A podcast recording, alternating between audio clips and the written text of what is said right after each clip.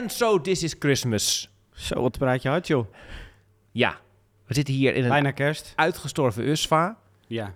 De, ja, De nou goed. kerstvakantie is begonnen, Ja, kunnen we zeggen. toch? Merk je aan alles, dat is sowieso een westers privilege. Wij hebben dan kerstvakantie, dan, eh, dan gaan we in één keer eh, doen alsof het, het leven stopt. En Dat niks, mag dan weer niet van jou. niks meer Dat is weer hoeft. een privilege. Dat vind ik wel een beetje. Ik moet toch altijd denken aan mensen die deze luxe niet hebben. Dat ze eventjes eh, afstand kunnen nemen tot de werkelijkheid. Daar denk je even aan en dan is het weer goed. Nee, dat zeg ik niet. Oh, oké. Nee, goed. Nou ja, Hè? ehm, De toon is weer de gezet. toon is weer gezet. Zalig kerstfeest iedereen. u- u- Tot. Houd moed. Ja, u luistert hier misschien naar tijdens de kerstdagen. Ja, we dachten, we, we proberen een beetje een, een hoopvolle uitzending te maken. Dat bleek lastig dan gedacht. We hebben keihard moeten werken. Keihard moeten werken om iets voor elkaar te krijgen. Toch wel aardig gelukt. Ehm, heb je een beetje, ja, is dit nou... Kun jij goed uit de voeten met deze tijd van het jaar? Nee? Nee, ik ook niet eigenlijk. Nee. Ik heb last van een winterdepressie altijd en ik vind het gewoon... Ik vind, er moet zoveel. Ik hou Ja. wel van januari. Gewoon leegte. Nou. Er zijn heel veel mensen die daar niet van houden. High five. Geef een like in de comments Ja, als je ook van januari als je ook van januari houdt.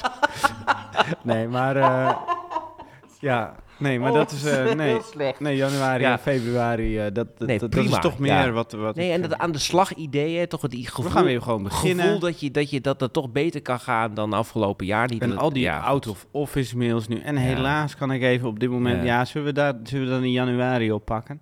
Ja, dat ook, mensen zijn zo Heel makkelijk. Ja, heel vermoeiend. Ja. Goed. Ehm, ook wij gaan er wel even, moet ik zeggen, waarschuwing eventjes uit. Maar eigenlijk komt het allemaal door jullie. Omdat jullie er niet zijn, moeten wij er ook niet zijn eigenlijk, Wilbert. Precies, Toch? Ja. zo is het. Eind januari zijn we er weer. Ja. Dus dit is Nou, eind je- januari, eind januari, Nou, 19 januari. 19 januari Ja, alweer. Half januari. Half januari Medio januari. Goed, eh, vandaag gaan we nog bellen met in ieder geval twee mensen. Ja, misschien wel drie. Drie, is er eentje nog een beetje uit? Het is een beetje een verrassing. Ja. Wellicht, wellicht komt het ook niet. Nou, dan heeft u een mooie cliffhanger voor de rest van dit programma. Ja, We beginnen zo meteen met eh, Sarah Neutkens. ja ik Ehm, dacht... eh, er zijn, er zijn, ben jij eigenlijk hoopvol? Nee. Nee, hè? Nee, echt niet. Maar Nee. dat kan komen. Ik ook niet. En volgens mij is eh, Sarah ook niet super hoopvol. Maar Sarah is wel een beetje van de school. Het kan niet veel erger. Dus, dus, dus er is zeker hoop. Ja. Eh, en, eh, en laten we volgend jaar gewoon de dingen aanpakken. En eh, we gaan even met haar bij Sarah de is kijken. talentvol, hè. Ze is, ze is een model en, en ze is een kunstenaar. En ze is ook schrijver. Er verschijnt Ja. volgend jaar van haar een roman. Die heet Zeker. Toneelspelen. Kunnen we nog even praten. Ja. Ik wilde graag bellen met Koen van de Ven. Ja, Ehm, eh, politiek journalist bij De Groene Amsterdammer. Is al eerder te gast bij ons geweest toen jij er niet was. Toen hebben we gesproken over de parlementaire journalistiek. Echt zo'n Ja. lekker onderwerp voor mij. ja, maar is, dit thema spreekt me erg aan. Want dit is eigenlijk het Ja. centrale thema van de linksman lossen het op. En dat is namelijk... De VVD. Ja, en eh, hij heeft daar eh, wederom maar een analyse over geschreven die eh houdt snijdt. En daar gaan we graag over praten. Nou, de derde gast, die, nou ja, die, die la- laten we even Laten we nog even Eh, gehuld Die in komt dan wel of komt dan niet en dan weet u het nooit. Nee. En we Het is hebben... niet Pieter Omtzigt trouwens, Het is dus niet zeker- gelijk Het afhaken. is hè, nu. zeker niet Pieter Omzicht, nee hoor. Nee. Nee, En Ja, ja, dat is toch wel bijzonder en leuk van deze geen aflevering. kerstuitzending. Nee, Marjolein Roof heeft een zoektocht gedaan. En die heeft een, eigenlijk een programma in een programma. Drie keer komt ze uitgebreid voorbij. En lost ze een groot probleem op van een van de luisteraars. Ja, ja en eigenlijk is dat deze linkse mannen. En wij zijn eigenlijk het bijnummer bij Marjolein Roof. Dit Ja. is eh, de linkse mannen, de laatste van 2023. Ik vind kerst is iets speciaals. Iedereen warm en dicht bij elkaar. De linkse mannen lossen het op. Nou, ik heb van mijn baas heb ik een rollade gekregen. De linkse mannen lossen het op. In zekere zin is de franje eraf. Ga geen heftige discussies aan, weet je. Laat ook vooral die kerstfeer de boventoon voeren.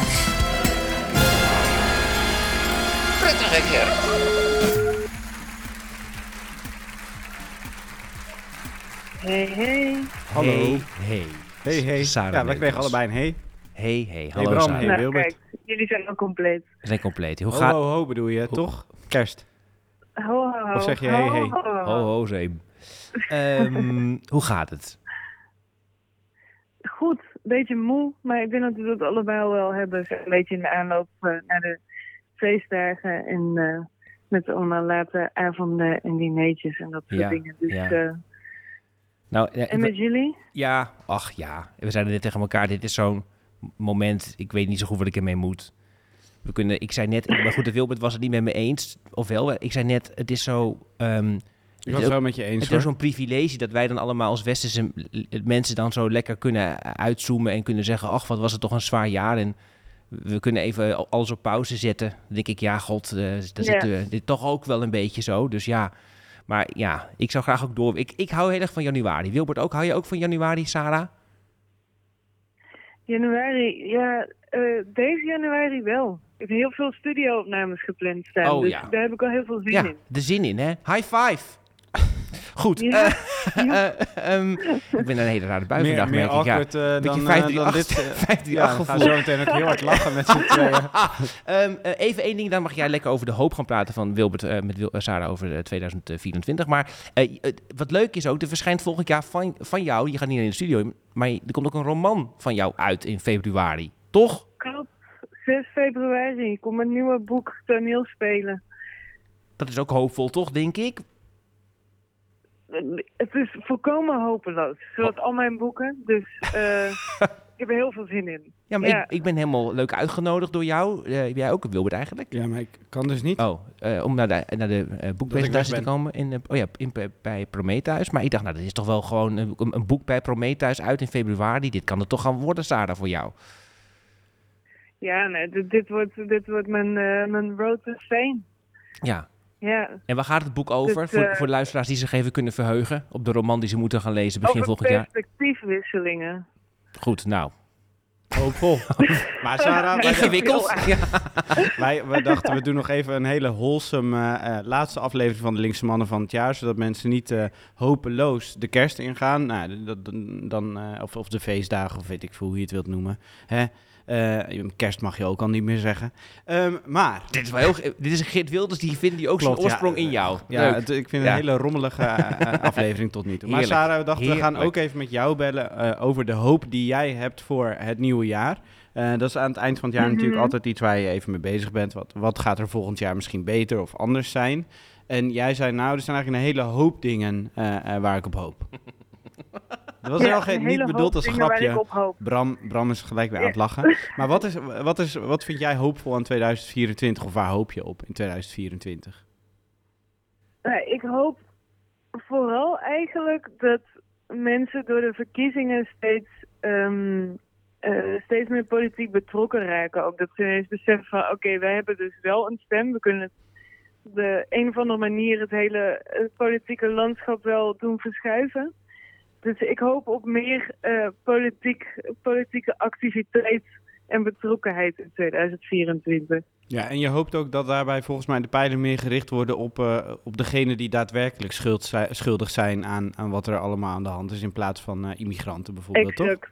Ja, wat kan je De daar iets meer over vertellen? Die mag eh, totaal eh, overhoop gegooid worden, ook in 2024.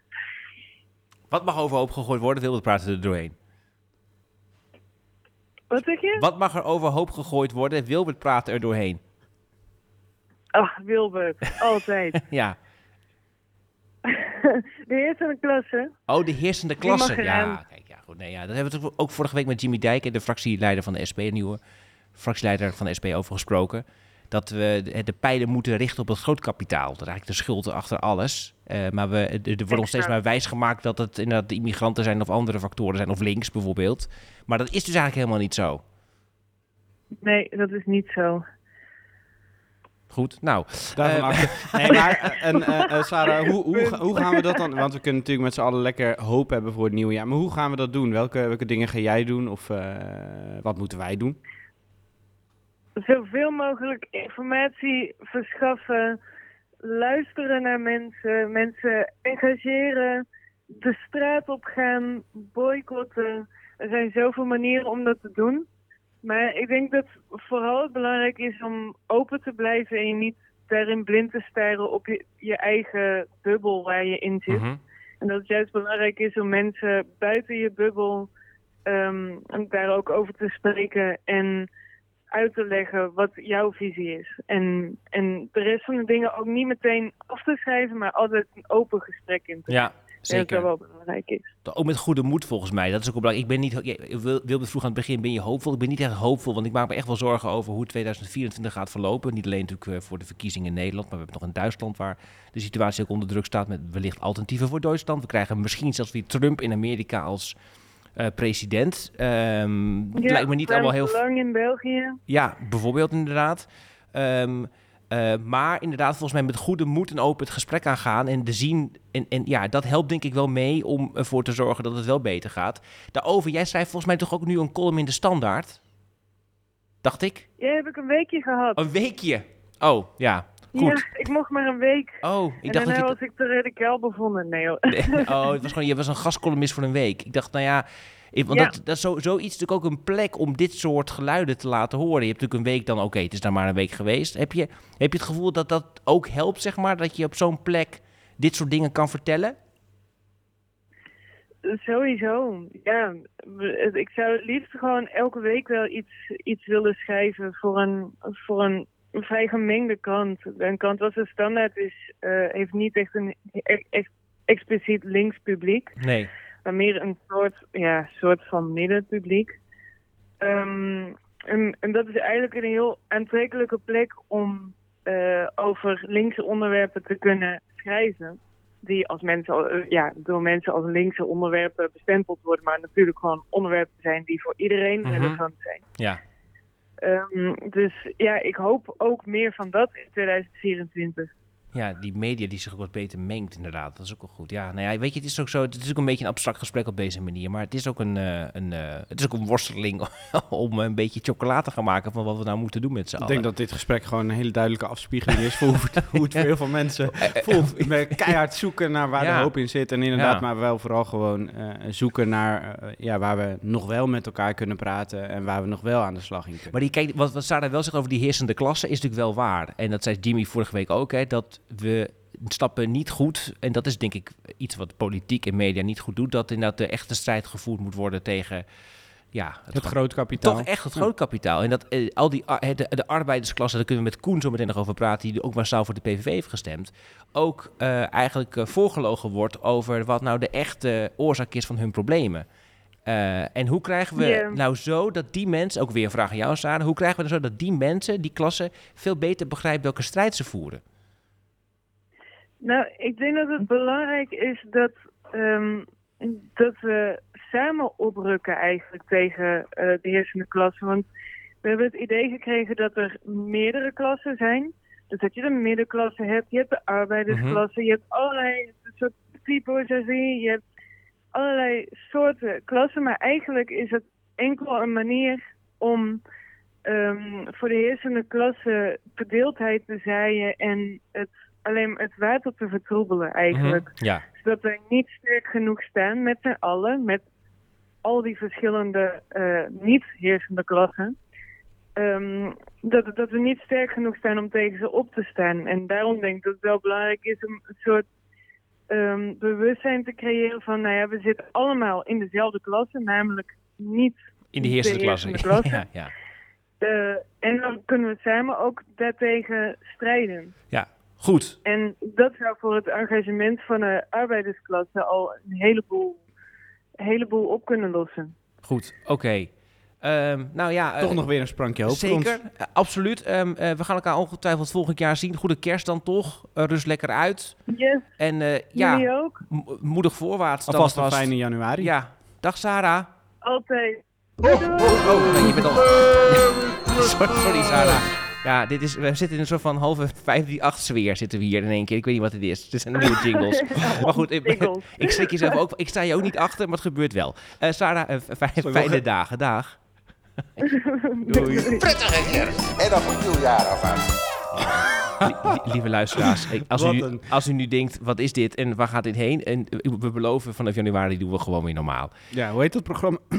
Zo, hoe heet het programma van Robert en Brink ook weer? All You Need Is Love, ja. Nou, move away, want eh, hier is Marjolein Rover. Marlijn Rover, ehm, eh, ja, is, is voor ons op zoek toch geweest. En, Step down, Robert en Brink. en voor een luisteraar. We gaan naar haar luisteren. Ehm, hier komt ze. Welkom bij Marjolein Lost Op. Stuur in uw problemen en ik los ze op. Dag allemaal, van harte welkom bij de laatste Marjolein Lost Op van het jaar. En we zitten nu wel echt heel dicht op die kerstdagen, dus kan het niet anders dat we het probleem van vandaag ook in die hoek moeten zoeken. Grietje Tichelaar berichtte ons en zij krijgt eerste kerstdag de familie gezellig over de vloer. Eigenlijk al zoals eh, elk jaar komt de familie. Dat is mijn broer Rieder. Dat is mijn zus Dolfje. En dat is mijn zwager Leo. Ja, en daar zit dan ook mogelijk ons probleem. Mijn zwager is extreem rechts. Maar nou heb ik eigenlijk besloten dit jaar, vanwege dat ik eerdere jaren na de kerst toch wel met een erg vies toilet achterbleef, om eens over te gaan op zittend plassen. Ook voor de mannen. Maar goed, dat zie ik mijn zagen om eerder genoemde redenen nou niet direct doen. Maar Grietje wil natuurlijk niet meteen over zich heen laten lopen. Het is tenslotte haar huis. Maar heeft uiteraard ook helemaal geen zin in eindeloze discussies of ruzies. En dus zegt zij... Lieve Marjolein, hoe kan ik mijn extreem rechtse zager Leo er toch toe bewegen dit jaar zittend te plassen? Ja, en wat ik zo mooi vind, eigenlijk vraagt Grietje hier naar de zachte oplossing. Hè? Ruzies wil ze vermijden en dat lijkt mij de juiste mindset voor de kerstdagen. Maar de vraag is natuurlijk, spreekt zwager Leo ook deze zachte taal? Of moeten we toch met stevige middelen komen? Nou, uit onderzoek is in elk geval gebleken dat zittend plassen naast op hygiëne ook een positief effect heeft op de gezondheid. Door te gaan zitten, zo luidt het onderzoeksresultaat, ontspant de bekken zich, waardoor de blaas en de urineweg meer ruimte hebben en zich beter ledigt. Hierdoor blijft er minder urine in de blaas achter dan bij staand plassen, wat zorgt voor verminderde kans op blaasontsteking en prostaatproblematiek. Maar ja, dit is wetenschap en u weet, wetenschap en extreem rechts zijn nog niet bepaald mekaars beste vriendjes en dus zoek ik graag door naar een doeltreffender middel. Onder het mom 2 zie meer dan één roep ik u graag op om mee te denken. Denkt u de oplossing te weten, stuur deze dan via de DM naar Marjolein Rover. En wie weet helpt u Grietje Tigelaar aan een nog gezelliger en vooral ook schoner kerst. Straks lees ik uw reacties voor. Eerst terug naar de linkse mannen.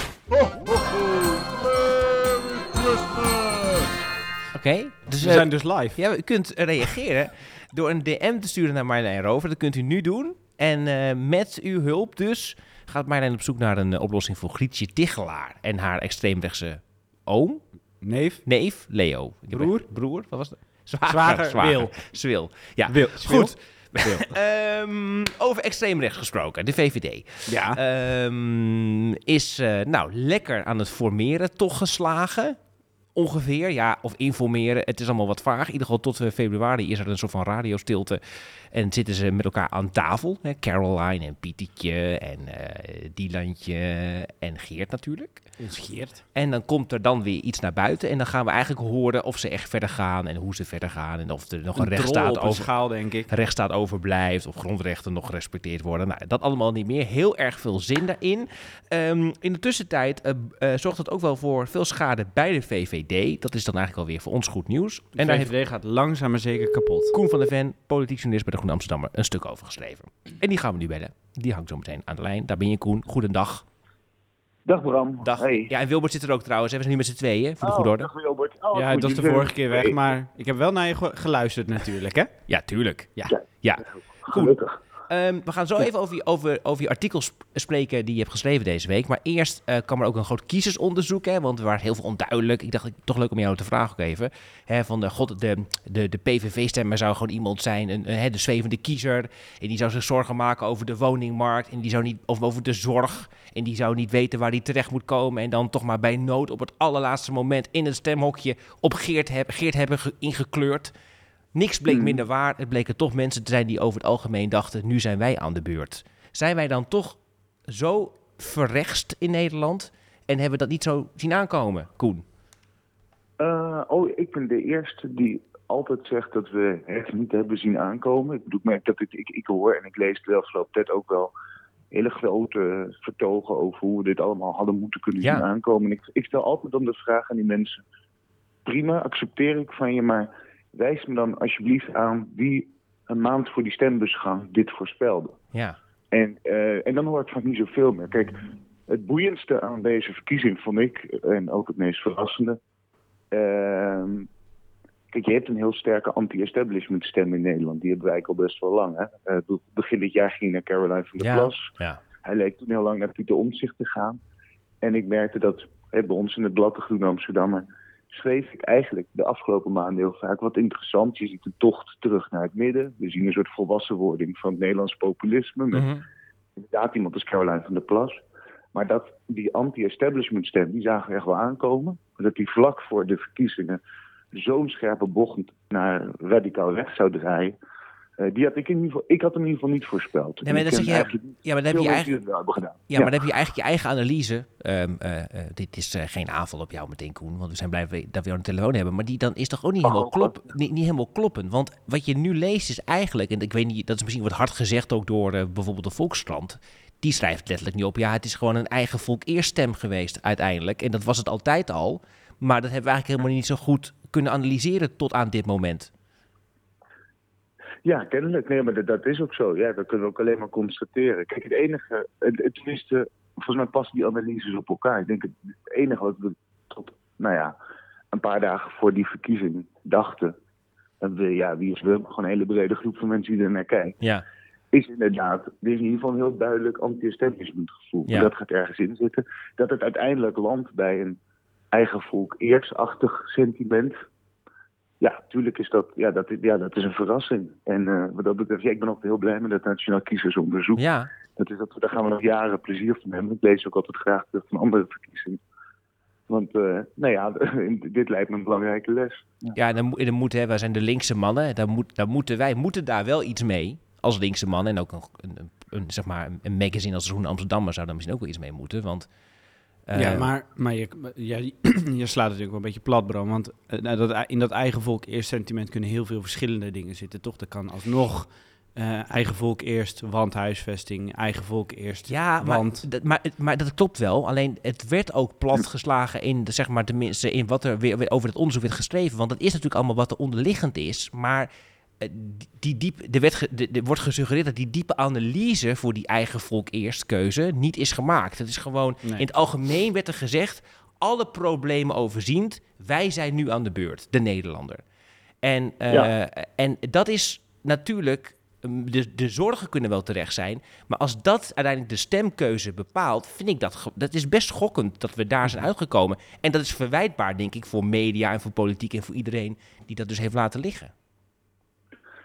Nou, zeker. Want ik denk, ik denk uiteindelijk, kijk, hoe je tot een eigen volk eerst antwoord komt. eh, ja, dat kan natuurlijk ook op talloze manieren zijn. Wat- mij wel opviel, gewoon kijk, de afgelopen jaren eh, in Den Haag ging gewoon heel veel. Eigenlijk ging het heel veel over bestaanszekerheid. Ja. Soms in de meest eh, platte vorm. De vorige keer dat jij mij belde voor deze podcast, hadden het over Prinsjesdag. Daar, daar hadden Oh, een ja. aantal parlementariërs, met name wat rechtsere parlementariërs, ook staan echt als leeuwen voor accijnsverlaging. Dan kun je zeggen, ja, komt het echt aan de onderkant terecht? Nou, het onderzoek blijkt van niet. Maar voor mij gaat het rechtstreeks ook over een gevoel bij mensen van... waarom is alles zo duur? Eh, waarom vind ik geen huis? Waarom Mhm. kan ik niet meer normaal tanken? Waarom is mijn gasprijs zo Ja. hoog? En eh, ja, het enige waarvan je nu ziet dat al die zorgen... en die zijn niet zo gek met alle inflatiecijfers... eh, dat het je vertaalt in, dan moet ik in ieder geval, zodra we gaan herverdelen, als allereerst aan de beurt komen. ja. Dat je dat ook nog etnisch invult. Ja, daar, ik vrij uit, daar schrik ik natuurlijk ook wel van. Ja. Maar dat op zich, eh, dat is wel vaker geconstateerd. Een eigen volk eerst antwoord kan alsnog verbonden zijn met zorgen over bestaanszekerheid en met economische zorg. Ja, dat is op zich, dat is op zich niet nieuw. Nee. En een van de belangrijke... Europese arbeiders is hetzelfde. Ja. Ja. Ja, en een van de Ja. belangrijke veroorzakers van, van deze hele misère is de VVD. En, eh, en daar heb je iets over geschreven, toch? Eh, ja, klopt. En nou, heel direct naar de verkiezingen, eigenlijk de nacht van de verkiezingen. Hè, dan, eh, ik, ik schreef altijd voor ons blad dan een analyse van wat is hier gebeurd. En ja, ik, ik bereid in de dagen ervoor heel veel dingen voor. Van, ik heb heel veel mapjes met informatie liggen. En een van de dingen waar ik al veel langer mee bezig was, niet weten dat ik dat mapje uit mijn kast zou moeten pakken, was het mapje. Wat heeft die VVD nou met de PVV gedaan? Want eh, nou ja, dat stond ook in dat nummer. Kijk, Mark Rutte heeft op een gegeven moment ooit in, ik zeg het uit mijn hoofd, 2017 Nederland vergeleken met een terfage. Dat was eigenlijk, Ja. Rutte heeft heel veel campagne gevoerd rondom een soort belofte van links van u is chaos, rechts van ons is chaos, stem op ons. Eh, want wij brengen een soort rust in dit land. En nou ja, hij heeft het vaasje ogen gegeven aan Lili Isselbus en zij heeft het meteen uit handen laten vallen. Dus Ja. ik bedoel, ze heeft meteen dat hek opengezet eh, richting Wilders. Er zijn een paar stapjes gegaan. Maar uiteindelijk, uh, zeg even uit mijn hoofd, 18 augustus kwam ze echt met die uitspraak dat ze niet langer uitsluiten. Ja. En vanaf dat moment, vond ik heel interessant, stond er binnen de VVD al direct debat over die keuze. En dat is nooit heel luid. Ik bedoel, het zijn geen PvdA'ers, het zijn ook geen CDA'ers. maar je begon er wel gemoord te horen. Ik bedoel, bij burgemeesters in het land, bij Kamerleden, die echt wel met zorg daar naar keken. En dachten, god, dit moet niet uit de hand lopen. En het is gigantisch uit de hand gelopen. Ja, en, en sterker nog, er zijn, dat schreef je ook in jouw artikel, er zijn eigenlijk twee stromingen nu uh, binnen de VVD. Niet heel, niet heel verrassend, net. Er is een stroming mensen die vindt uh, vooral met de PVV in, in zee te moeten gaan nu. En uh, ja. voor dat hele lekkere rechtse kabinet te gaan. En ik citeer dan natuurlijk uiteraard. Of mensen die zeggen, nee, dit is... Ed Nijpels bijvoorbeeld is iemand daarvan die daar prominent zich ook over uitspreekt. Nee, dit moet je helemaal niet willen.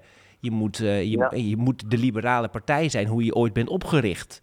En, um, uh, en, die, en, die, die ideeënstrijd die is heftiger dan wij eigenlijk kunnen zien van de buitenkant, toch Koen? Ja, zeker, zeker. Ik bedoel, opnieuw met het grapje net ook. En die maken VVD'ers ook graag. Na, van, uh, ik, dan ga ik toch nog een keer... Wij zijn gelukkig geen PvdA's of CDA's. Ja, die ja. kunnen elkaar op congressen enorm de maat nemen en fel debatteren. Maar kijk, wat de VVD wel gemeen heeft met die partijen... en eigenlijk met alle volkspartijen... is dat ze altijd uit vleugels bestaan. Dus bij de VVD is dat ook helemaal niet nieuw. Dat, is, dat zit al in de oprichting van die partij. Dat heeft altijd gestoeld op twee gedachten. De ene is inderdaad echt een liberale, een verdediger van individuele rechten, mm-hmm. Van, uh, van de rechtsstaat. Zit ook een soort vaak, ook vaak vermengd met een soort voor, uh, vooruitgangsoptimisme. Dat is het heel erg die liberale stroming. En aan de andere kant heb je er een gehad, en dat is, nou, dat noem ik uh, in de groen altijd een soort volksconservatisme. Ja. Dus dat is helemaal niet een grote, diep intellectueel conservatisme zoals je dat nou, nog wel eens in Groot-Brittannië kan aantreffen of nog wel eens bij nou, christendemocratische stromingen. Maar veel meer een soort club die zich bezighoudt met sentiment en de dominante stemming in het land. Ja. En die stromingen hebben altijd bestaan. En het enorm knappe aan Mark Rutte is dat hij ooit in 2006, 2007 want zover moeten we terug de geschiedenis in. Toen die lijnrecht tegenover elkaar kwamen te staan. Was de tijd dat Wilders net was vertrokken. Ja, Rutte Verdonk kreeg je ook toen, hè? Ja, ja. Precies, Rutte Verdonk. Ik ga het niet allemaal navertellen, maar uh, Verdonk riep in die tijd... mijn partij is gekaapt door links. En op dat moment waren er heel veel VVD's... die waren heel bang dat hun partij echt zou scheuren. Dat is nooit gebeurd, want Rutte hield daar de boel heel knap bij elkaar. Eigenlijk door als wat linksere VVD'ers zich wat rechtser te gaan gedragen. Die club binnenboord te houden... En we zijn nu 16, 17 jaar verder. Je ziet eigenlijk dat die stromingen opnieuw tegenover elkaar staan. Dat er een nieuwe leider, Jesselgus, voor dezelfde taak staat als Rutte. Maar dat die partij ook wel wat is veranderd. Ik bedoel, die vrijzinnige liberale stroming, die lijkt wel kleiner dan ooit. Want je schetst ze net heel mooi.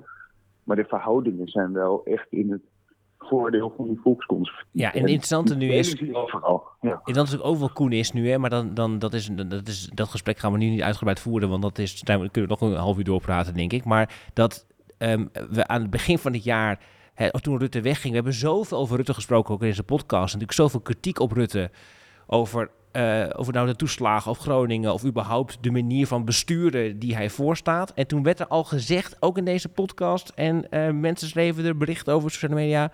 Ja, het, het, het, zal jullie en het zal het land nog bezuren. Um, ja. uh, als die weggaat, wat, die dan, wat, wat er dan gebeurt.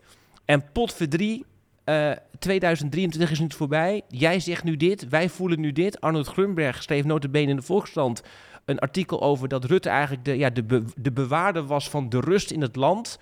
En dat hij weg zou gaan, dat dan de poorten naar extreem rechts wijd worden opengezet. En dan zijn we er toch ingetuind. Kennelijk, kennelijk. En dat, nou, dat is een vraag. Ik bedoel, jij, jullie zijn de linkse mannen. Ik bedoel, dat moet links zich toe verhouden. Kijk, er zijn altijd voor mij twee lezingen geweest over hoe Rutte met radicaal rechts omging en met Wilders. Aan de ene kant uh, degene die hij nu geeft en die, die ik ook wel heb beschreven, die nu dominant wordt, van kijk, hij gaat weg en het gaat direct mis. Ja. Dus kennelijk heeft... Hè, wij hebben die term altijd heel vies gevonden in Nederland, het cordon sanitair. Ja, dat ja. Maar ik kan zeggen dat Rutte dat eigenhandig in stand hield. Als centrum-rechts is altijd de machtigste stroming in dit land. Je hebt links, centrum-rechts, radicaal rechts. En centrum-rechts is daarmee ook de poortwachter. Voor alles ter rechterzijde. En Rutte heeft vaak gezegd, in- hè, hij is nogal eh, altijd heel erg bezig met Duitsland. In verwijzing naar CDU, CSU. Rechts van ons deelden wij niets. Dat was altijd Rutte's opvatting. En dat is er bij Vlagen soms gelukt, soms ook niet. Eh, de kritiek die natuurlijk ook op Rutte is geweest is, ehm, is dat hij natuurlijk de tijd en wijle ook af en toe meebewoog. Ja. En daarmee ook dingen legitimeerde. En dat Ja. blijft een eeuwig debat. En dat blijft een heel interessant debat van heeft hij het gevoed of juist Ja, is het zijn erfenis gehouden? of, is het, Ja. of is, heeft hij juist iets voorkomen wat erger had kunnen worden? Ja. En Bram Ja. verkocht dit Ja. onderwerp eh, Ja. aan mij, eh, Koen, als in... eh, dit is misschien wel het einde van de VVD. En ik dacht, nou, dat is hoopvol. Eh, eigenlijk twee vragen. Eén, is, is dit misschien... eh, je hoeft het natuurlijk hele, niet helemaal te voorspellen... maar zou dit een beetje langzaam maar zeker het begin van het einde van de VVD kunnen zijn? En twee, eh, werken we ons dan eh, juist dieper in de nesten? Of is, is, dat, is dat überhaupt goed nieuws? Ja, ik, eh, ik had niet kunnen bedenken dat ik die vraag ooit zou stellen, maar toch.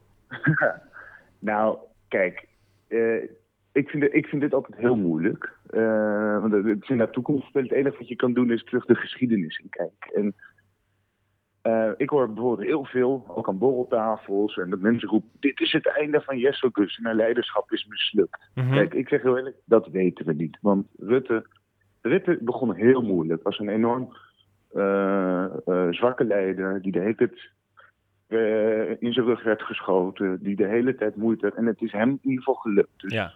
over Jesse dus kunnen zeggen, ja, het zou kunnen. Dat het niet lukt, het zou ook net zo goed wel kunnen. Dat moeten we zien. De VVD aan zich, en dat vind ik wel interessant, van de klassieke volkspartijen die we hebben, was het eigenlijk de enige die nog echt over was. Waarbij je echt een partij had die een echte grote massa aansprak, hè, anders dan de PvdA en het CDA. En ik heb dat altijd zelf verklaard, ook vanuit het, eh, niet alleen vanuit het, eh, de kunde van Mark Rutte, maar ook wel vanuit het idee dat we gewoon ten diepste een liberaal land zijn. Met wat niet meer zo zwaar ideologisch is en wat misschien ook wel heel individualistisch is, waar gewoon een brede middenklasse zich echt wel thuis voelt.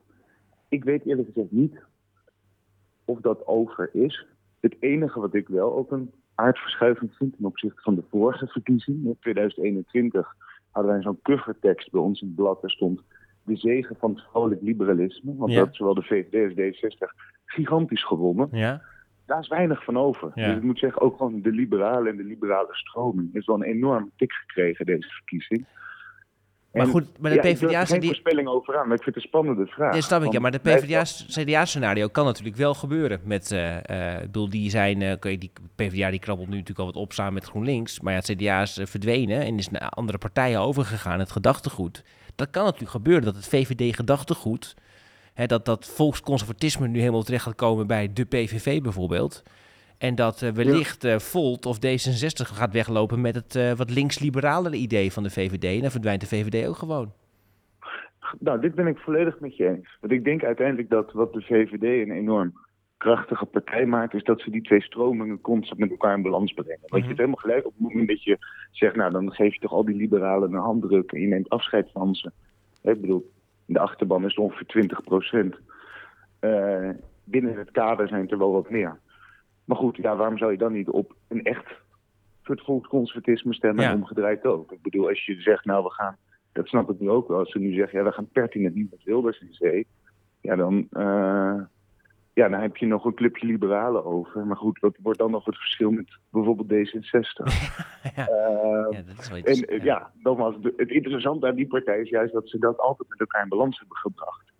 En ja, je, je vergelijking met het CDA is, eh, is spot on. Die hebben dit in 2010 stonden ze hiervoor. Exact dit Zij zijn moment, wel ja. met Wilders in zee gegaan. En ja, er zijn vijf zetels over. Ja, ja. En ik, ja, ze zijn overigens, ik- en ik heb het gevoel dat zij nu pas op het punt zijn dat ze er echt overheen zijn. Dus dat ze nu pas weer aan herbouw kunnen beginnen. Ja, en dan de laatste vraag inderdaad, en dan, eh, eh, die Wilbert ook al stelde zo. Kijk, de vraag is natuurlijk ook een beetje, maar dat is, dit is nu echt een beetje filosoferen, maar dat geeft helemaal niks. Dat mag ook best. Ehm, eh, is het dan goed nieuws, hè? Want je kan, ehm, eh, eh, het is misschien ook eh, duidelijk, zeg maar. Er valt dan echt wat, er valt nog meer wat te kiezen qua stromingen.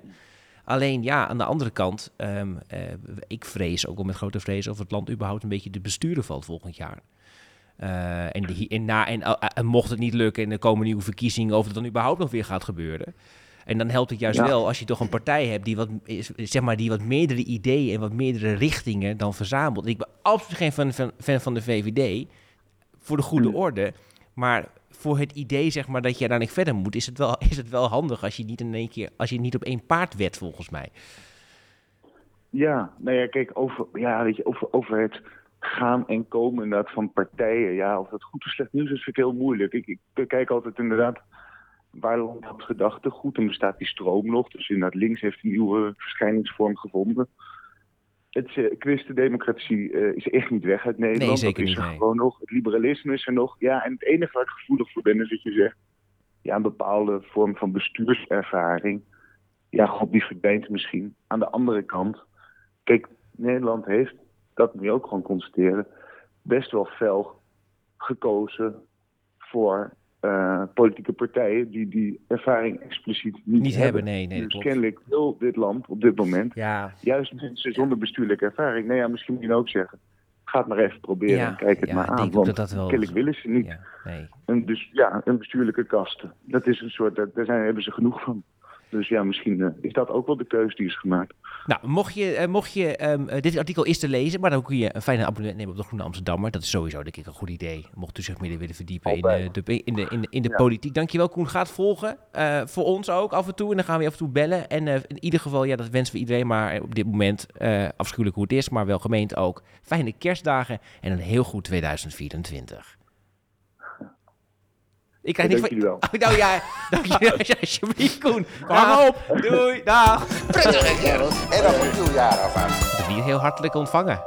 Dankjewel, zei hij. schamperen. Dankjewel, ja. Niet van goed. jullie ook? Nee, dankjewel. Nou, Koen, eh, wel gemeend. Ja, We hebben nog een derde bellen. we hebben nog een derde bel. Ja, Maar dat is zeker. mooi, want dan kunnen we eerst even kijken hoe het gaat met Marjolein haar zoektocht. Precies. En of jullie, lieve luisteraars, al hebben gedM'd met Marjolein en haar al verder hebben geholpen met dit grote probleem eh, voor haar zwager van Grietje Tichelaar. Grietje Tichelaar, moet ik zeggen. Wil, Eh, eh, heet die zwager. die zwager heet, ik dacht Leo, toch? Leo. Oh, ik dacht, oh, ik had het weer verkeerd Nee, verstaan. Leo. Leo heet die. Misschien dat jouw zwager wil. Rommelige laatste... Rommelige, maar niet uit, het is bijna kerst. Eh, Marjolein, hoe gaat het? Welkom terug bij Marjolein Lost op deel 2. Dit is nog steeds de laatste Marjolein Lost op van 2023. Toch een gek idee, maar het kan altijd nog gekker. Zo zit Grietje Tichelaar met de handen in het haar. Haar extreemrechtse zwager Leo zal, zo vreest zij, niet bereid zijn om zittend te gaan plassen. Terwijl, ja, Grietje had dat nog zo graag willen introduceren dit jaar met kerst. Maar goed, dat ik mijn zagen om eerder genoemde redenen nou niet direct doen. Het is gezonder dan staand plassen en vooral hygiënischer. En daarom laten we het er ook niet zomaar bij zitten. Maar oh oh oh, wat te doen. Dit zegt u. En ik ontvang ze nog steeds hoor. Die reacties van de luisteraars in de DM. Het Marjolein Rover. Wat zou ik zijn zonder uw meedenkend vermogen? Een verlaagd plafond stelt voor. Het Harry underscore Leenders. Met een sterk verlaagd plafond is het simpelweg onmogelijk geworden om te staan. Laat staan staand te plassen. Leuk out of the box gedacht zou ik zeggen, maar ja, u weet hoe lastig het is om een klusser te vinden vandaag de dag. Laat staan één dag voor kerst. Het lijkt mij een uitdaging. Bedenk een extreem rechts complot. Iets over de Rothschilds die ooit hebben bedacht dat alle mannen staand moesten plassen om urinoirs op de markt te kunnen brengen. De opbrengst zou allemaal naar de Illuminati gaan. Oppert Rupert 101. Nou, een extreem rechts complot vind ik goed gekozen. Rupert alleen leert even googelen dat de patentafdruk van de eerste urinoir dateert uit 1893 en wordt toegeschreven aan de Amerikaan P.J. Madden. Niet de Rothschilds. Dus even voor de gek houden kun je hem wellicht, maar hij zal na eigen onderzoek toch zijn eigen waarheid toch weer eh, gaan vinden. Elske Dijk zegt dan nog, en daar moest ik wel om lachen hoor, hang een poster van Pamela Anderson aan de binnenkant van het toilet. Dan zou zittend plassen een aantrekkelijk uitzicht bieden. Dan wel de Pamela Anderson van 30 jaar geleden, zou ik denken. Hoewel ik niets wil afdoen aan haar schoonheid van nu. Zelfs nu zij een minimalistische make-up-vrije leefstijl heeft omarmd. Ja, eh, drie verrassende pogingen, maar ik heb toch het idee dat ik het nog even in de week moet leggen. Straks gaan we richting de ontknoping en maken we Grietje hopelijk blij. Maar eerst naar politiek en lifestyle met de linkse mannen, Wilbert en Bram. Spannend hoor, we zijn er nog niet. Nee, Nee. we gaan er achter komen Ja. straks. Eh, nog toch de derde bellen. Het is gelukt. Het is gelukt. Ongelooflijk. En nu denkt, u- nu, ja, nu denkt u, u krijgt een, een gast uit de AAA-categorie. En is dat ook zo? Nou, daar hoef jij volgens mij helemaal niks over te zeggen. Waarom ik dacht, we gaan bellen met Ruben is... Maar wie is ehm, Ruben? Ruben is, is de, de- volgens mij niemand- weet wie... wie, de baas van Buurtvrij. Wat is- dat een is Buurtvrij? marketingbedrijf uit. Amsterdam. En we Ah. zitten eh, zeker niet in het reclameblok. Ehm, zij, zij was wel. maar waar. Was het maar waar. wel? Zaten we maar een keer in een reclameblok. precies. Precies. Verdienen we nog wel met deze Ja, podcast. ja. Ja. Ehm, maar eh, ik dacht, ja, wij zijn, eh, jij bent wat hoopvoller dan ik, maar ik ben niet eh, een buitengewoon hoopvolle persoon. Ehm, eh, Oh, ja. Ruben ken ik als iemand die heel hoopvol naar de wereld kijkt en constant denkt, ja, je kan nog wel dingen veranderen. Maar hij zat dit jaar toch wel met zijn bedrijf in een lastig parket. Ja? Dat krijg je zo, toch? Jazeker. Of pa- Pakket. Maakt Nee, parket. Parket of pakket. Parket. Ik vind allebei goed. Maakt niet uit. ik, go- ik google het ons dus eventjes. Dat maakt niet uit. even door. Maakt niet uit. Eh, en, eh, want eh, een hele hoop eh, klanten die, die zeiden af. En toen heeft hij een bericht op LinkedIn geplaatst van... nou, we gaan onszelf opheffen. Parket. We doen een opheffingsuitverkoop. Parket. Fijn, goed om te weten. Nou, weer wat geleerd deze podcast. En ik dacht, nou, iemand die in staat is om in zo'n vervelende situatie alsnog weer hoop te hebben... daar kunnen we misschien gewoon maar even mee bellen. Goed, oké. Ja, doen we. Ik ook denk, is dat dan geen marketingstrategie geweest? Maar die vraag gaan we aan hem stellen. Ja, precies. Moet het toch even kritische journalist Ja, uithalen. dat, zo zijn we zeker in de laatste gast van 2023, mensen. Ja, het is ongelooflijk memorabel met Ruben. Dit is Bram, hallo, van de Linkse Mannen. Hey, Bram van de Linkse Mannen met Ja, Ruben van leuk dit. Dit is gelijk al de toon die we, die we nog wel ja. misten hoor, deze, eh, deze aflevering, eh, Ruben. Eh, Wilbert hier trouwens, hallo. Hey Wilbert. Hallo. Ruben, eh, wij dachten eh, als laatste gast, nou tenminste onze allerlaatste gast van dit jaar is, is Marjolein Rover. Die, die, die gaan we zo meteen nog even horen. Maar als bijna laatste gast van 2023 dachten we, we bellen jou nog even, want ik ken jij, jou als een ongelofelijke positivo. Sla ik het dan te veel plat? Nee hoor. Nee, ik kan me daar wel in vinden. Ja, nou wat mooi. En ik heb net al kort even verteld over eh, dat je eh, dus een hoopvol persoon bent, maar ook dat je een beetje in een zwarte situatie dit jaar eh, terecht kwam met Buurtvrij. Dat, dat er een aantal klanten opeens de stekker uittrokken en dat jullie toen in de uitheffingsverkoop zijn gegaan. En dacht, daar kunnen we wat van leren als linkse mannen, want in een hopeloze situatie toch nog ergens hoop in zien. Hoe, hoe heb je dat gedaan toen? Oh wauw. Eh, hoe lang heb ik om te kletsen? Dat is altijd goed om mij even af te bakenen. Want, eh, ik Maximaal ben hier 10 best wel minuten gaan we bellen, over. weet je. We grijpen Ah, vanzelf ja. in, hoor, Ruben. We komen er wel tussendoor. Nou, wat superleuk dat jullie even bellen. Dat in de eerste plaats. Ehm even kijken, ja, eh, jij zei opheffingsuitverkoop. Dat was het net niet. Het was de ophefuitverkoop. En wat er gebeurde was dat we in een soort perfect storm terechtkwamen van, eh, van allemaal dingen die de verkeerde kant op vielen. En we zijn, eh, voor de mensen die ons niet kennen, een onafhankelijk creatief bureau. Dus eh, we hadden lekker gespaard eh, voor ons doen de afgelopen jaren. Maar die buffer, zodra die er doorheen is en je hebt 13 man in dienst, dan gaat het opeens wel heel hard. Ja. Ehm, en toen, eh, ja, toen, toen keken we gewoon naar de feiten en toen zaten we met de coach. En die zei, ja jongens, ik heb dit al honderd keer meegemaakt. Ik ken jullie als een bedrijf dat vooral heel goed voor zijn mensen wil zorgen. En ja, voor je mensen zorgen op een goede manier betekent ook dat je op tijd de stekker ergens uit moet trekken. En dit is het moment. En eh, toen keek ik Maarten, mijn beste vriend en medeoprichter, uh, wij kennen elkaar twintig jaar, keek ik aan. En toen hadden we natuurlijk een brok in onze keel. En dan denk je van, ja, hè, dit is niet, uh, dit is niet hoe we het bedacht Maar hadden. Ruben, En, even, eh, even terug, want, even, want dat gebeurt dan in één keer. Want je bent een, een, zie je dat dan niet aankomen? Je hebt allerlei opdrachten, maar dat gaat dan zo in één keer verkeerd dat mensen hun keutel intrekken en niet meer met je in zee willen gaan, dat het geld opdroogt en dat er in één keer gewoon binnen een paar maanden helemaal voorbij kan zijn. Zo snel kan het gaan? Nou, laat ik uh, uh, voor de mensen die mij niet kennen, uh, ik ben echt een super oelewapper met geld. Dus je moet mij daar nooit de baas van maken. Dat ben ik gelukkig ook niet. Maar het is wel zo dat, um, ja, dat, dat het inderdaad als een soort ballonnetje opeens heel snel ging. Ja. Dus weet je, we wisten natuurlijk al dat dit gewoon een raar jaar is en dat het oorlog is en nog een oorlog en recessie enzovoort enzovoort. Dus de, de kwartaal-updates qua finance, die zagen er nou, de eerste zag er heel slecht uit en daarna zag het er hoopvol uit. En de, die daarna zag er ook wel hoopvol uit. En toen opeens, uh, ja, de shit hit the fan, zeg maar. Mhm. En, en toen, ging het, toen ging het wel echt heel snel, ja. Dus uh, eigenlijk is het antwoord op je vraag, had je het niet aanzien komen? Ja, misschien wel. Alleen, uh, nou, dat, dat hebben we niet, niet goed gedaan. Ja. Goed, dan kijk, heb je en, dan, dan, ja. en toen had je dat advies van uh, trek de stekker eruit. Nou, dat heb je blijkbaar niet gedaan, want we zijn met je aan het bellen over hoe je dan toch hoop houdt.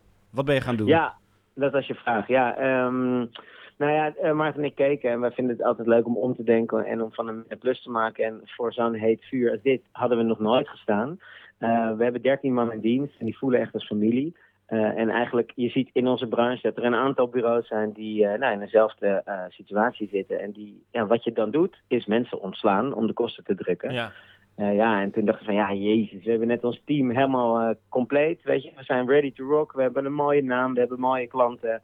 We hebben gewoon alleen botte pech. Dus als we nu ons halve team gaan wegsnijden en dan eh, moeten hopen dat er weer opdrachten komen en op een gegeven moment dan weer freelancers aannemen, dat voelde allemaal niet zo duurzaam. Dus toen hebben Maarten en ik elkaar aangekeken en gezegd, weet je wat, we gaan gewoon een, ja, een, ja, kijken of het lukt om met z'n allen bij elkaar te blijven. Dus het is echt eh, eh, eh, kiezen voor vertrouwen in plaats voor angst. Want de coach die zei ook, ja, jullie zijn gek. Eh, ik heb dit honderd keer meegemaakt en iedereen doet het op de manier mensen wegsnijden, kosten drukken. En toen hebben we ervoor gekozen om eh, voor vertrouwen te kiezen. Dus eh, de dood op de gladiolen, met z'n allen, met z'n allen aan boord blijven of met z'n allen ten onder. Toen hebben we de ophef-uitverkoop bedacht. Waarbij we eigenlijk gezegd hebben, eh hey, Maarten en Ruben gaan gewoon een eerlijk verhaal vertellen op LinkedIn. En in onze branche is dat niet zo raar, of niet zo eh, gewoon, want iedereen doet altijd heel stoer. Ja. Zelfs als je, weet je, zelfs als de deurwaarder naar binnen komt om je spullen mee te nemen, dan nog steeds gaat het goed naar buiten toe. Eh, en die kwetsbaarheid die we getoond hebben, nou, dat, is, dat, dat heeft ons tot nu toe geen wind aan. Maar dan vertel je dus, eh, Ruben, dan vertel je dus op LinkedIn. Ik heb die post eh, inderdaad. nee, ik heb de laatste post van jou gezien. dat, dat je aankondigt dat, eigenlijk, dat het heel goed geholpen heeft. Maar ik heb die eerste post nog niet gezien. Maar dan vertel je dus aan mensen van... hé, hey, luister eens, het gaat dusdanig slecht... dat we eigenlijk de stekker eruit moeten trekken. Dus Ja. ja, ja mocht, je, mocht je ons nog leuk en interessant vinden... dan kun je nu nog met ons sales redden... en anders uh, houdt het gewoon op. Ja, eigenlijk uh, had je altijd al met Busvrij willen werken. Uh, dan, dan, is dit je kans. Misschien wel de laatste. Dat was ja. eigenlijk de korte samenvatting. Ja. En wat we toen merkten was dat, uh, ja, er, ge gebeurde superveel. Leuk dat jij die post niet gezien hebt, want het is door ongeveer 500.000 ja. mensen. Ja, maar, ik, ik, ik, maar Ruben, ik haat LinkedIn.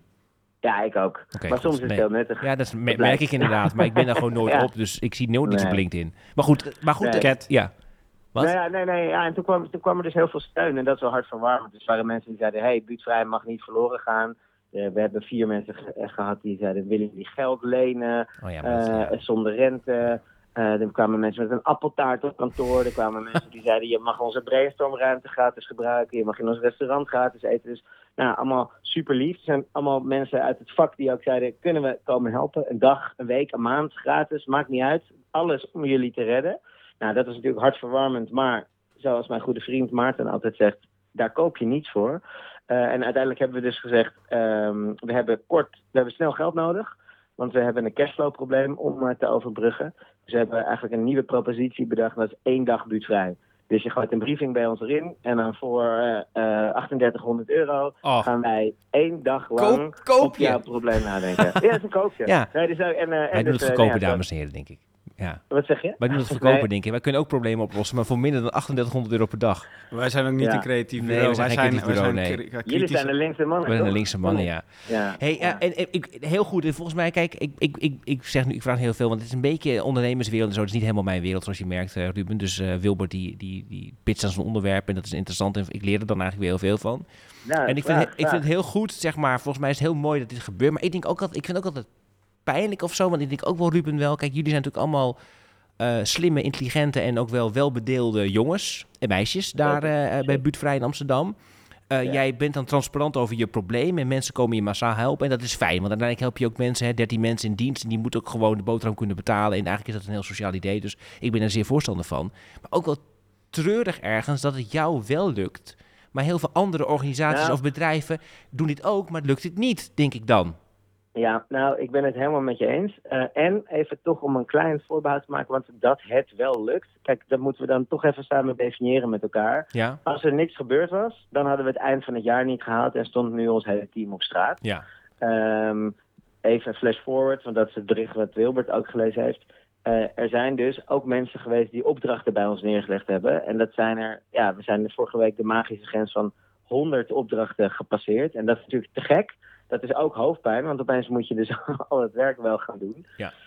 Um, maar ja, het is nog niet gelukt. In die, dus het cashflow-probleem, dat hebben we opgelost. Oké, okay, goed. Dus we hebben okay. het eind van het jaar gehaald, maar voor volgend jaar staan we gewoon nog steeds voor grote uitdagingen. Ja. Dat, daar wil ik echt duidelijk over zijn. En ik ben het helemaal met je eens. Het is, uh, het is een, echt een pittige tijd voor heel veel mensen. En ik denk dat wij een van de weinigen zijn, in ieder geval in onze branche, die er eerlijk over zijn. Want sindsdien heb ik vijf, ja, zes mensen gesproken die zeggen bij ons is het eigenlijk hetzelfde. Maar wij durven er niet over Nee. te praten. holy shit, wat dapper van jullie. Ik zou dat wel doen als ik Eh, al die, al die organisaties... Wees er maar transparant over. Volgens mij gaat het namelijk, in die analyse van jou is ook wel goed. Ik denk dat het 2024, of het nou voor jullie is, maar voor heel veel bedrijven, organisaties... Het wordt een moeilijk jaar. Eh, Ik bedoel, de, de, gaat een gure rechtse wind waaien... die ook voor ondernemers niet goed gaat zijn, denk ik. Nee. Ehm, eh, dus wees maar transparant over je zorgen. En misschien dat we er iets aan kunnen veranderen. Want als we onze bek gaan houden, dan gaat het sowieso de verkeerde kant op. Ja, dus dat ben ik helemaal met je eens. En Kijk, mijn oma, ze leeft niet meer, maar die zei vroeger altijd: eh, wie goed doet, goed ontmoet. En dat is eh, de afgelopen twintig jaar wel een klein beetje mijn kompas geweest. En dat, ik, ik weet natuurlijk niet hoe dat voor andere bedrijven is, maar bij, bij ons is, vind, vind ik het wel heel, heel hoopvol om eigenlijk te merken dat als je dus twintig jaar vooral eh, zaait, dat het dan, als het echt nodig is, dat het dan ook lukt om sociaal eh, kapitaal te oogsten, eh, in ons geval. Dus da- daar ben ik eh, trots op. En wat leuk dat jullie er even met me over willen kletsen. Ja, nou, daar waren we Ja. ook heel blij mee. Want volgens mij hadden we eh, niet, bijna, bijna niet kerstiger en positiever en hoopvoller kunnen Zeker. eindigen. Dus eh dankjewel daarvoor, Ruben.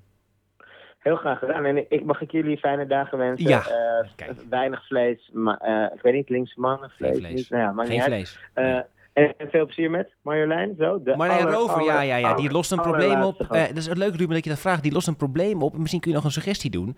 Eh Marjolein die eh, lost problemen op van luisteraars. Grietje eh, Hellinga, Tichelaar. Die heeft een probleem, die heeft een extreemrechtse zwager, Leo, Leo. En die wil niet zittend plassen. Terwijl ze eigenlijk natuurlijk wel haar wc wil schoonhouden. Wat zou jij daaraan doen, Ruben? Je bent natuurlijk een creatief bureau. Hoe zou je dat creatief oplossen? Ja, wanneer is het gelukt? Gaat het erom dat Nou, als hij die, als die, moet nee, plassen? als of die, omdat als bril wil, droog nee, als het, nou ja, een goeie, dat is een goede vraag. Ik denk toch als hij zittend gaat plassen, dan is het gelukt. Ja, ik, ehm, ik kom weer bij mijn oma terug. Daar hing een tegeltje op de, op de wc Ja. en daar stond... eh, heren, doet u de bril omhoog, want wij dames zitten ook graag Ja, droog. mooi. Dat is niet helemaal de oplossing voor je probleem, maar eh, ik ben heel benieuwd naar wat Marjolein Ja. eh, en dit, eh, kan, gaat dit was gratis, denk ik toch, hè, deze suggestie van jou. Stuur maar een Zeker, factuur, voor, Ruben. voor de linkse mannen, alsjeblieft. wel. Godzijdank. Ja, ja, ja, ja. Ruben, goed Ja, uiteinde. Dankjewel. hè. Doei. Jullie ook, jongens. Ciao.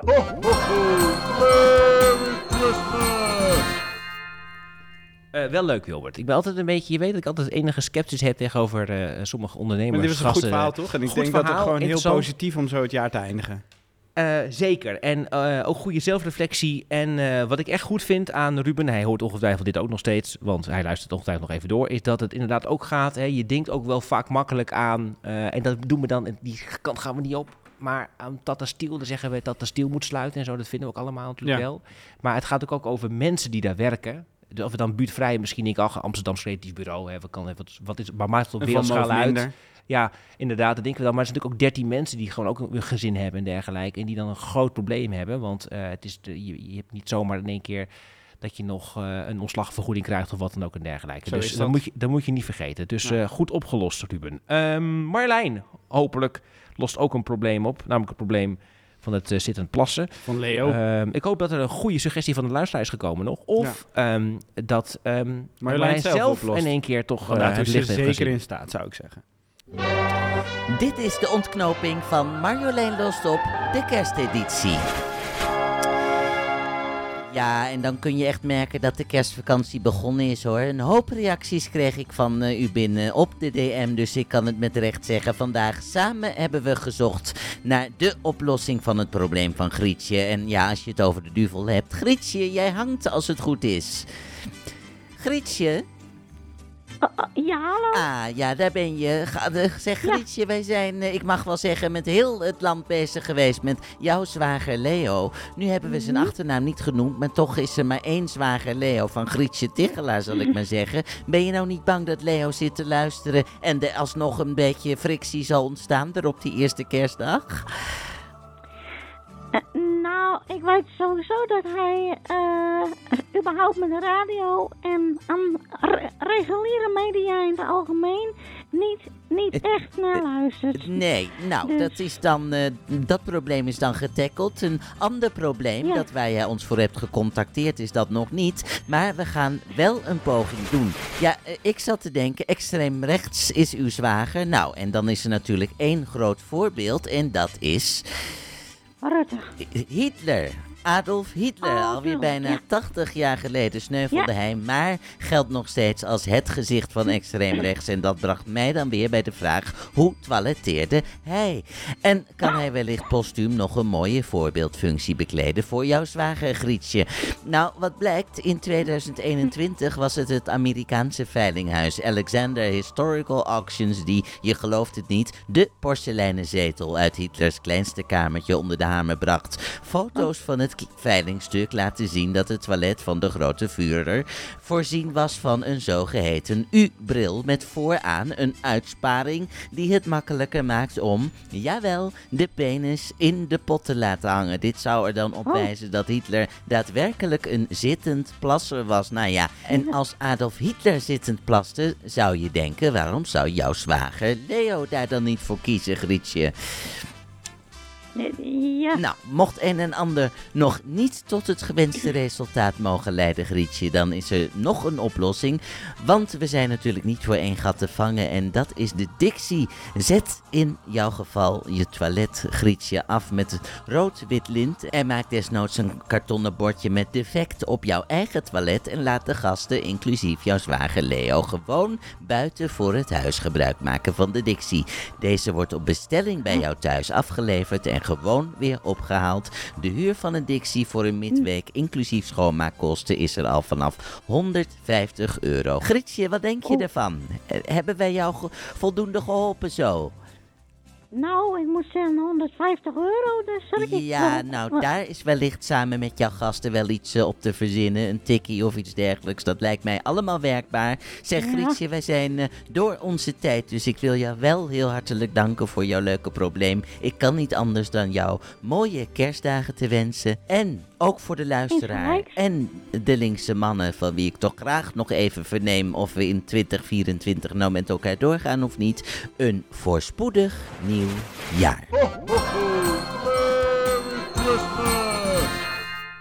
Ja, het mooie aan die eh Dixies trouwens is dat daar ook een, eh, vaak een zittend toilet en een klein Ja. urinoir in Kun zit. je de keuze maken zelf, ja. Ongelooflijk. Ehm, Daar weet ik bijna meer over dan Marjolein Rover. waarom? Ja, je doet veel festivals natuurlijk ook. Bedoel je, dat, dat is, We hebben eh, toch afgelopen... Oh ja, we hebben natuurlijk de Zomer ja, ook de op Noorderzon. Ja, En- oh, over Marjolein gesproken. Nou, ik denk, ja, dat is een goede vraag, Marjolein. Daar moeten we er gewoon even over zitten. Eh, ik weet niet, ik bedoel, daarover gezegd hebben ook wel dat jouw voorstel dat je deed, financieel gezien, daar schrokken wij van. Dus ja, daar zijn we gewoon niet over uit nog. Is wel Ehm, goedkoper dan buurtvrij. Dat wel, maar het is wel duurder, Per dat- aflevering. duurder dan, eh, dan het was vorig jaar om deze tijd. Dus, Ongelooflijk. we dat, dat, weet, dat komen we op terug. Ehm, wat, is, wat, wat, hou- wat houden we over uit deze laatste aflevering? Voor de Ja, kerst? ik dacht, eh, we gaan gewoon even samenvatten. We Ja. hebben een aantal thema's Woord- op delinksemmannen.nl staan. Oh. Eh, en eh, dan kunnen we gewoon allebei even zeggen op welke manier we daar wel of niet hoop over hebben. Oké. We beginnen met de patriarchaat, Bram. nou, nee. Nee, ik heb Het is daar nog maar- niet gelukt, hè? Nee, dat gaat niet goed, nee. Nee. Nee, nee. En ja, misschien krijgen we een vrouwelijke premier. Dus dat is dan de hoop. Dat is op zich natuurlijk goed aan zich. Dat is Beter dan, de dan hoop. niks. Ja. Ja, dan maar dat, hè? ook, al is dan, ook. ook al is het dan VVD, Dylan Jessegus, eh volksconservatief, maar het moet dan maar. Ja, maar vooral eh, met de kerstdagen of met, tussen kerst en oud en nieuw lezen even een boek over eh, waarom je als man misschien gewoon even een stapje terug Ja, kan En doen, niet toch? mensplenen bij dat kerstdiner de hele tijd. Gewoon je bek houden. Hou je bek gewoon. Ja. AI? We hebben weinig over gehad. Ja. Ja. Ik weet niet waarom. Ehm, eh, We zijn te oud? ja, ehm, heb ik Maar daar nee. hoop over? Nou, wat, wat wel, daar kan ik, ook daar heb ik een weinig hoop over. Want ik weet bijvoorbeeld wel dat er, bijvoorbeeld bij hier, ook bij de universiteit, in het gebouw waar we nu ook zitten, van de universiteit natuurlijk, de USWA hoort erbij, dat Ja. het ook wel gewoon al soms voor dingen dan AI of ChatGPT of wat dan ook worden, worden, worden ingezet. Ja. En eh, ik, dit, dit- dit- deze muziek erbij. Ik, moet, ik heb echt het gevoel dat ik een 3FM Studio Request sta zitten presenteren op dit moment. Praat nou gewoon door. Eh, dus eh, nee, ook weinig hoopvol. En ook de hoop dat dat dan hele problemen voor ons gaat oplossen. Nee, nee. Nee, misschien komt de hoopvol. wetgeving, maar waarschijnlijk niet in Nederland. Nee. Tenminste, ik Ja. geloof niet dat het Ja. een van de issues is waar de PVV van denkt, oh, ah, dit we ben wel blij, dat zei ik aan het begin ook al, dat ehm, eh, Twitter slash X dat dat wel echt gaat verdwijnen. Dat vind ik heel goed. Precies. Dat is een positieve ontwikkeling. Ja, toch? Of dat. Threads de oplossing is, weet ik niet. Maar goed dat Twitter X gaat verdwijnen. Ja. ja. En dan het klimaat. Nou, we hebben een Gaat hele hoge waterstand gehad. Ja, gaat heel goed. Ja. Ja, gaat goed, hè? Ja. Ja. ik had nog... Ja, god nee. Dit Er is wordt wel, er wordt wel goed Ja, gedemonstreerd, maar mijn hoop in ieder geval voor eh, 2024 is wel we praten met dat er bij die, eh, Ja. bij die, eh, bij die klimaatdemonstraties klei- iets, iets meer op, de, op, op één thema wordt gefocust. Ja. Ik kan me voorstellen Ja. dat dat eh, in ieder geval voor de wat bredere aandacht kan Ja. helpen. Ja, dat hoop ik ook inderdaad. Eh, er zijn problemen genoeg. Laten we ze één stuk voor stuk aanpakken. Niet allemaal tegelijkertijd. Dan dat wordt niks. Ja, want dat, die groep in Groningen heet nu ook Disobedient Future, toch? Of zo, toch? Die actiegroep hier. Ja, daar moeten we volgend jaar maar eens mee Dat is bellen. toch Wat ook... daar nou, wat- nee, ik dat, snap er niemand helemaal niks meer er- van. Nee, niemand begrijpt er niks meer van. Nee. Goed. Ja. Nou, leuk einde dit Eh, hoor. Ja, de- dan gaan we naar de- door naar met nog, het volgende Ja. leuke, eh, nog Ja, twee. oké. Democratie. Ja, Ja, dat, eh, daar, weinig, daar, maar daar, dat wel- staat nu op het spel, hè? Ja, en ik heb eh, hoop dat we in ieder geval kunnen zeggen... eh, we moeten een andere klasse aanpakken in plaats van de immigranten. Dat we dat naar buiten kunnen Die brengen. hoop heb jij. Ik heb de Want hoop dat dat gaat zo gaat lekker. lukken. Oké. Nee, jij niet? Nee. Oh, Nee, verdomme. maar, wat- nee, en ik ben heel benieuwd wat er dus in fe- februari 2024 komt. Waar, Ja. we, waar we staan, hebben we nog een democratie? We gaan erachter komen. en gaswinning in Groningen, ons laatste thema. Nou. Toch echt issue owners natuurlijk. Ja, we waren hier over migratie gepraat eigenlijk. Een van de thema's die eigenlijk ook echt bij de website erbij moet. Misschien kunnen we Oh in ja, de kerstvakantie nog Ja, voegen we die een, even toe. eh, Eh, een onbewaakt moment ja. Ehm, Een onderbuik moment? nee, onbewaakt moment. Onbewaakt moment. Eh, gaswinning, nou dat gaat ook niet goed. De gaswinning is in ieder geval Gestopt. gestopt. Henk, Henk Nijboer is nu eigenlijk de, de, een van de voorvechters voor de, voor de, de schadeafhandeling en het eh, resultaat van Groningen. Met jou samen natuurlijk. Hè. Is die 13.000 euro er eigenlijk wel gekomen? Nee, ik heb hem nog niet, maar eh, het gesprek is zeker nog gaande. Het gesprek Ja, is hoor. gegaan. Het Ja. heeft onze volledige aandacht. N- Nou, niet, eh, wel Oh. niet mijn onverdeelde aandacht, maar het heeft zeker mijn aandacht. Dus wie weet dat dat... Eh, ja, het, lijkt- het lijkt in ieder geval, volgens mij is weer duidelijk geworden deze week... dat de manier waarop de NPG het doet, dat in ieder geval daar bijna niemand in Groningen enthousiast over is. eh, Nee. Behalve Johan Remkes en eh, de mensen die daar werken. Dus Ja. ja, dat is sowieso al Nou. lekker om te horen. Dan, eh, dan gaan we kijken of het volgend jaar Migratie zat er kan. nog geloof ik hè? Migratie. Ja, nou dat is ook kut. De Europese eh, Unie heeft een wet aangenomen, hè, een nieuwe wetgeving aangenomen om de buitengrenzen beter te bewaken. Die werd met groot applaus onthaald en ook groot onthaald door Nederlandse partijleiders. En ik moet dan zeggen, ik ben dan, dan toch weer net niet genoeg ingevoerd. Want ik denk dan, dit lijkt mij, ja ik snap wel dat er een probleem is, maar dat je zegt we stoppen mensen, zetten we vast aan de buitengrenzen van Europa in een kamp. En dan mogen ze daar negen maanden in gevangenschap afwachten of ze worden toegelaten tot de Europese Unie. Lijkt me dan niet echt maar een menselijke Deze oplossing. muziek erbij klinkt dat Eh, nog, maar een iedereen beetje is. Maar heel erg razend enthousiast over. Ja. Dit is de oplossing voor het probleem. We gooien gewoon de deur op slot. we gaan het nog zien, En, denk eh, ik. We Dus er is geen praten. plaats meer in de, in de kerststal voor heel veel Hm. mensen. Om het maar eventjes rond te maken, dit verhaal. Dus Heel het is, ja, zo. nou, we hebben er geen zin in, zoals u merkt. Maar we moeten maar door. Ja? mo- het, het goede nieuws is wel, er is nog heel veel op te lossen blijkbaar. Wij blijven bestaan. We moeten blijven bestaan. U bent van ons afhankelijk, Ja. volledig. In 2024 eh, beginnen we op 19 januari weer keihard met dingen oplossen. Dus dan, eh, of nee, 20 januari komt die podcast online. Dan kunnen mensen weer luisteren. Zeker. En in de tussentijd kunt u zich gaan verheugen op dat wij op veel festivals gaan staan volgend jaar. We kunt ons live zien. We gaan ook een maandelijkse live show opnemen in Groningen. U, eh, rechts Nederland, u bent niet van ons af. Houd moed. Moeder voorwaarts. Prettige kerst en nog een nieuw jaar alvast.